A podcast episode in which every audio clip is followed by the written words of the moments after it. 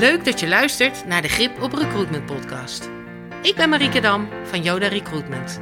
Elke week praat ik met een inspirerende gast over recruitment innovatie en techniek. Welkom bij een nieuwe aflevering van de Grip op Recruitment podcast. Vandaag heb ik Danny Sanders weer te gast. Uh, Danny, welkom. Dankjewel. Uh, Danny is de founder van de Inclusion Studio. Uh, we hebben in de vorige aflevering uitgebreid gesproken over skills en recruitment. En wat betekent het nou voor diversiteit en inclusie om te werven op vaardigheden? Vooral terugluisteren. Danny is ook lid van de Ethical Commissie van Skills CV. dus zo kwamen we op dat onderwerp. Deze aflevering wil ik heel graag wat meer inzoomen op diversiteit en inclusie. Uh, ik probeer het een beetje bij werving te houden. Mocht dat niet helemaal uh, lukken, uh, dan moeten jullie er maar even doorheen dit kwartier. Want er, gebeurt zoveel en ik vind het heel fijn om een expert uh, in de podcast te hebben die daar echt veel meer over kan vertellen. zou jij eerst wat meer willen vertellen over de Inclusion Studio? Ja, um, nou, wij helpen uh, organisaties om meer inclusief en divers te worden. Um, en we doen dat eigenlijk zo grondig mogelijk. En nou, toen, ik, toen ik begon met de inclusiestudio, sowieso had ik de ambitie om de kloof te dichten tussen wat we zeggen en wat we doen. Want er zijn heel veel goede bedoelingen, zijn er echt wel. Um, ik heb inmiddels zoveel mensen gesproken, junior tot senior. En die hebben iets met elkaar gelijk. En dat is dat iedereen goede bedoelingen heeft. Dus dat kan ons ook vertellen dat uitsluiting of oneerlijkheid ook een product is van onze goede bedoelingen. Dus we moeten ons anders leren kijken naar hetzelfde vraagstuk. En um, ik ben dus heel, ik ben heel intuïtief, maar ik houd ook van de wetenschap. En ik denk dat er een eis is voor beide op dit onderwerp. Want alleen maar op je intuïtie afgaan, nou, dat is ook een totale rode loper naar alle uh, aannames. Um, maar we zijn ook geen mensen van binaire eentjes en nulletjes. Um, dus uh, alleen maar op de wetenschap uh, koers varen is ook onvoldoende. Dus ik hou van beide. ik ben wel begonnen met de wetenschap en, over inclusie en diversiteit. En toen dacht ik, nou ja, eigenlijk is het ook een vraagstuk van veranderkunde. En toen ik daarin ging onderzoeken, toen kwam ik erachter heel snel dat het werd het echt een no-brainer dat als je iets wil veranderen, moet je het eerst gaan begrijpen. Dan moet je beginnen met een nulmeting. En dat is ook evidence-based? Dat, je, dat je begint met echt begrijpen en wat hier nou uh, allemaal aan de hand is. Um, en een, een nulmeting bij ons betekent um, in zijn volledigheid HR-data en een server die we aan elkaar kunnen koppelen. Uh, een kwalitatief onderzoek, hè, dus uh, naast die feiten en cijfers het verhaal met allemaal interviews. Hoe klinkt dat hier nou? en een beleidsaudit. Ja, dus dat doen jullie bij een klant? Ja. Ja, oké. En, en zo'n beleidsaudit die, die, die vertelt dan nou, welke regels hebben hieraan ten grondslag gelegen. En een beleidsaudit is niet alleen uh, hebben wij uh, ergens een manifest ondertekend met mooie statements en woorden. Maar ook geven wij bijvoorbeeld onze werving en selectie voldoende middelen. Uh, vaak probeer ik een organisatie um, te begeleiden dat, dat, dat we eigenlijk uit de situatie komen waarbij het urgente het wederom wint van het belangrijke. Dat is toch heel vaak het geval. En dan wordt er misschien tegen een recruiter geschreven van ja, ik heb toch uh, overmorgen iemand nodig. Um, en dan, dan moeten we dus weer eigenlijk alles wat we toch belangrijk vinden en die langere termijn doelen en, en misschien duurzame inzetbaarheid laten varen. En dan, ja, dan ga ik toch even Josephine appen, want die ken ik en die zit wel in mijn WhatsApp-lijst. Um, en die gaat het heel goed kunnen. Dus het is niet zo dat Josephine dat niet kan. Dat is het punt niet. Maar het is wel natuurlijk weer jouw bubbel. En dan kom je uh, vaak toch weer op dat thema van wel geschikt, maar niet gekozen. Josephine ken ik al. Of uh, Boudewijn, wie dan ook. Um, en in de snelle keuze ga ik dan voor, voor zekerheid en is dat makkelijker. Ja. Ja. Ja. Ik kan me voorstellen dat uh, dit verhaal uh, voor een potentiële klant ontzettend kwetsbaar klinkt. Zeker, zeker, ja. Dus als jij als bedrijf aan de slag wil met diversiteit en inclusie, hè, je hebt met elkaar afgesproken dat het op de agenda moet in 2023 en je komt bij jullie, dan zeggen jullie eigenlijk: leuk dat jullie dat willen doen, maar dan gaan wel alle boeken open. Ja. Ja, Ja, ja kijk, ik heb uh, als eerste, de, de, ik denk dat de grootste vijand voor uh, inclusie en diversiteit is um, introspectie. Wat dan een gebrek aan introspectie. En op het moment dat een organisatie aan mij vraagt om een spiegel, dan heb ik daar heel veel respect voor. Want dat is een van de moeilijkste vragen. Dus ik zal ook voor iemand zorgen.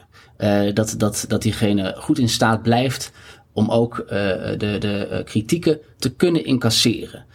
Um, dus dat, dat, ik vind dat het op een hele respectvolle en ook vertrouwelijke manier moet gebeuren. Ja. Je hoopt natuurlijk ook dat er een mate van transparantie volgt daarna. Um, maar de, de, als, als je niet in, in vertrouwen um, iemand eventjes... Uh, weet je, een gesprek met vertrouwelijkheid is ook als een ventieltje voor iemand natuurlijk. Hè? Dat is gewoon nodig. Um, ja, daar, daar begint het toch. En dan, dan hopelijk, uh, als je het goed onderbouwt en eigenlijk de structuur laat zien. En niet alleen maar met je vingertje gaat wijzen naar een individu, maar gewoon hè, meer um, het systeem uh, in kaart brengt. Dan, dan volgt vaak de, de transparantie wel. Ja. Ja, wat ik, wat ik merk bij uh, nou ja, mijn generatie, ik ben 45, um, mijn generatie en, en die daarvoor, is dat we dat ik heel veel mensen uh, spreek. En ik heb echt heel veel mensen over dit onderwerp uh, gesproken. En die, die geven aan, ja, maar wij discrimineren niet. En bij ons is iedereen welkom. Ja. En uh, ik snap dat. Ik snap dat ze dat zeggen. Want ja. ik voel dat zelf ook zo. En ondertussen, als je echt aan de slag gaat met het, met het thema diversiteit en inclusie, dan is het één grote, steile leercurve. Ja. En dat moet je ook aan jezelf dat moet je jezelf gunnen, maar ook uh, tegen jezelf kunnen vertellen van dat ik nu uh, blanke man in plaats van witte man zeg. Uh, terwijl witte man eigenlijk het gangbare is. Ja, sorry, ik ga erop letten, maar ik kan echt niet garanderen dat het niet nog een keer gebeurt. Maar ik heb al mijn goede bedoelingen om het eh, op de juiste manier te doen. Ja. En dus het omarmen van het nieuwe. En ik, ik weet echt dat er luisteraars zijn nu die denken: oh nee, we gaan het nu over hebben. En uh, uh, straks gaat ze nog woke zeggen. Ja. Dat ga ik niet doen. Maar stel je. stel ja, maar wat je nu trouwens omschrijft, is natuurlijk een eerste voorbeeld van introspectie. Hè? Dus dat je als eerste gewoon zelf durft toe te geven Misschien uh, is er wel iets aan, of, of, gaat zoeken in ieder geval. Ja. Nieuwsgierig ja, en, wordt. En door het leren en door de gesprekken met anderen en de dingen die je leest en om je heen hoort en uh, waar je misschien door geraakt wordt, ook bij jezelf kan zeggen: Goh, dit deed ik eigenlijk ook altijd. Mm -hmm. Ik wil dat veranderen. Ik weet nog niet precies hoe, maar ik ga er wel mee aan de slag. Of op het volgende moment dat zoiets voordoet, kijk ik er met iets andere ogen naar. Ja. Ik bedoel, als je als ik twintig jaar geleden op de werkvloer kijk en nu, nou, dan hebben we een enorme verandering doorgemaakt. En ik ben daar super blij mee. Ja. Maar twintig jaar geleden vond ik het ook heel leuk op ja. de werkvloor. Ja. En dus het is ook wel een. Nou ja, maar het is misschien ook juist niet leuk altijd verandering. Diversiteit is ook helemaal niet altijd leuk. Uh, de, de, uh, als we, stel, we hebben diversiteit van mening. Alleen al zo simpel. Ja, het is natuurlijk heel handig om heel inclusief te zijn met iedereen die het met elkaar eens is en die op elkaar lijkt. Ja. Ja, dus ga, ga daar maar eens aan voorbij. Hey, en waarom is dit zo nodig? dus dat is de vraag ook die bedrijven veel stellen. Hè, we hebben schaarste op de arbeidsmarkt. Iedereen is welkom in elk bedrijf. Ja. Dus als je bepaalde vaardigheden hebt, heb je het woord weer, of uh, opleiding hebt gevolgd, um, dan kan je toch gewoon aan de slag. Ja. Ja, um, ja, waarom is het dan nodig? Uh, als eerste is het uh, nodig om, denk ik, dus het gesprek daarin te verschuiven van de persoon naar het systeem. Het is inhakend op wat je zei voor mensen, en daar ben ik er ook een van, blijft het ongelooflijk, en dat bedoel ik in, in de meest respectvolle zin van het woord, ongelooflijk, onvoorstelbaar, dat ook jij en ik um, een aandeel hebben in, in oneerlijkheid. Dus ik denk, hè, dus da, da, daar moet je eigenlijk al een eerste ontspanning in weten te vinden. Um, en waarom, waarom is het belangrijk? Nou ja, daar heb je natuurlijk. De, uh, ik denk dat het moreel gezien het juiste is. Um, dat dat nummer één is waarom het belangrijk is. Um, je zou het ook kunnen omschrijven als een business case. Dat is ook zo. Uh, ten eerste weet ik niet hoeveel je gaat kunnen innoveren in een echokamer waarin iedereen op elkaar lijkt. Uh, nou ja, dat, ja, dat springt vrij voor zich. Ja.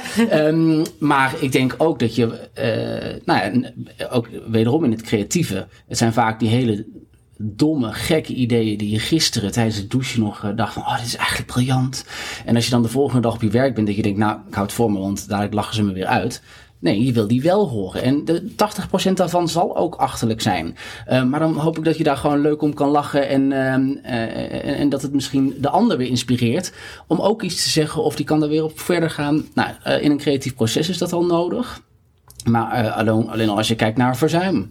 Hè, um, in onze onderzoeken komt ook wel eens naar voren dat um, de mate van gelijkenissen die je hebt met je leidinggevende, um, dat dat een invloed heeft op hoeveel je je ziek meldt. Dus als ik minder lijk op mijn leidinggevende, meld ik mij vaker ziek.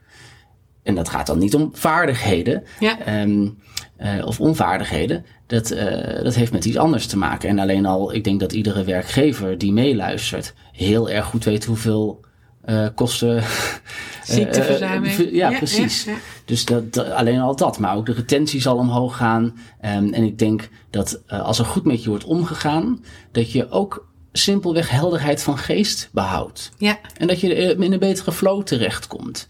Um, ja, en dat je eerder ook een fout durft toe te geven. Omdat je weet, ik word er niet op afgerekend of om gemarginaliseerd. Of vanaf nu ben ik eigenlijk de domme of de achterlijke. Ja. Nou, dat, dat zijn enkele voorbeelden die ja, even losstaan van een uh, diversiteitsas. Uh, maar gewoon in, in de totaliteit zijn er ontelbaar veel redenen waarom het belangrijk is. Waarom je als bedrijf aan de slag moet met diversiteit en inclusie. Ja. En dan nemen we nog niet eens uh, de data mee, want er wordt echt nog gediscrimineerd op de arbeidsmarkt. Ja. Het is misschien een nieuwtje voor uh, sommige mensen. maar uh, dus vrouwen die doen het nog steeds veel slechter, krijgen minder betaald. Ja. mensen met een andere etnische achtergrond, die worden niet aangenomen of niet eens uitgenodigd op gesprek.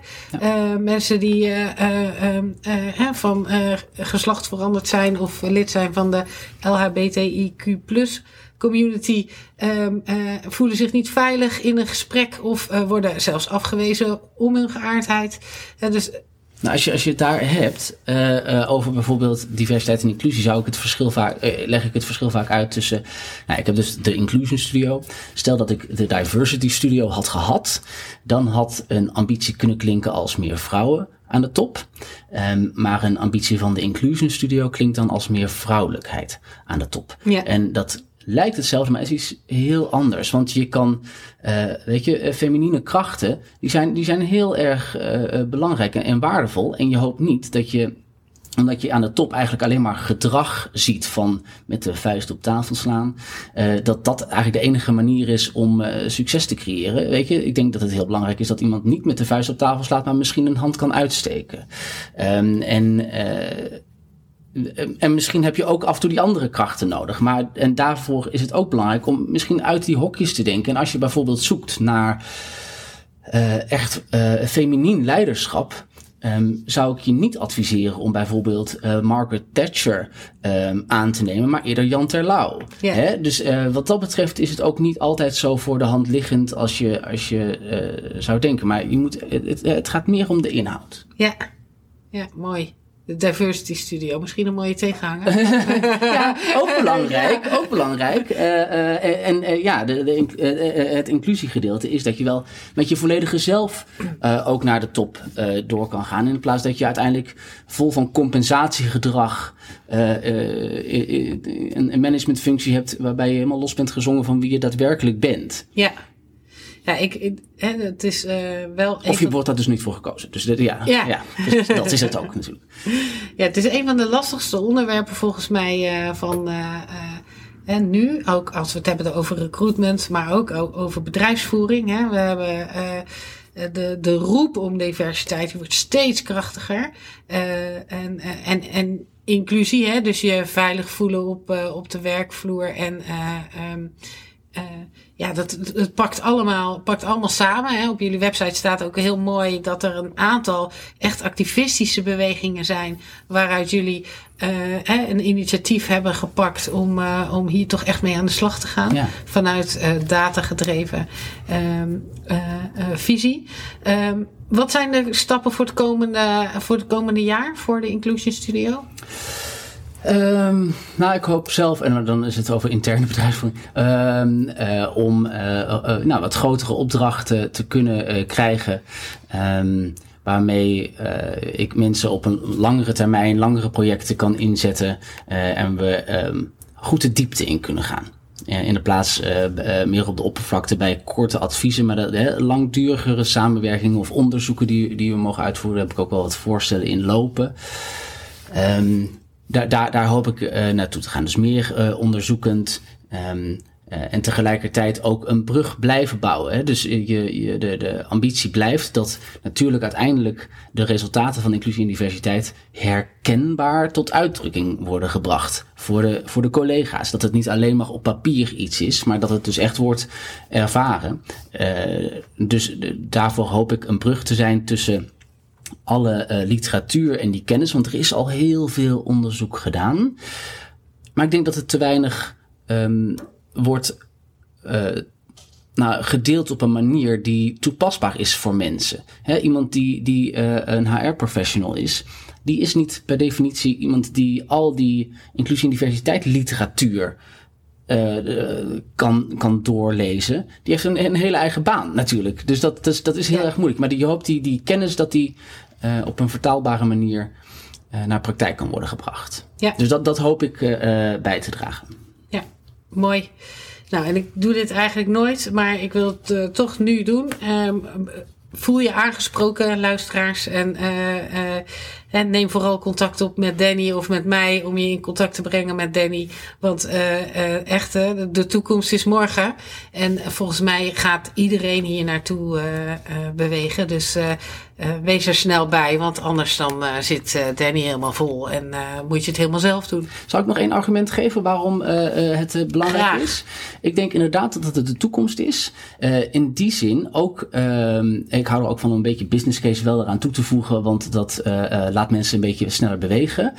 Um, als je kijkt naar ketenverantwoordelijkheid en de grote tenders, hè, dus uh, de grote uh, klussen en opdrachten van bijvoorbeeld overheden of andere hele grote um, ja, klussen, die, uh, daarin zal dit in de ketenverantwoordelijkheid plaats gaan nemen, denk ik, in de toekomst. Dus ja. nu heb je dat al met groen en met uh, sustainability, dat je eigenlijk moet aangeven, wij doen dit om niet zoveel uitstoot te hebben en dit en dit en dit.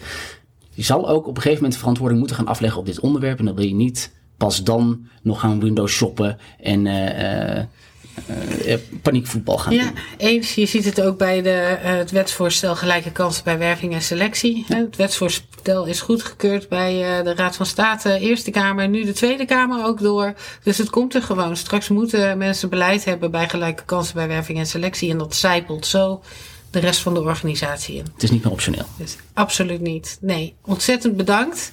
En uh, volgens mij kunnen we hier uren over praten. Ja. Dus uh, uh, mocht iemand dat willen doen, weet ons te vinden. En nou, nogmaals, ontzettend bedankt, Danny. Graag gedaan.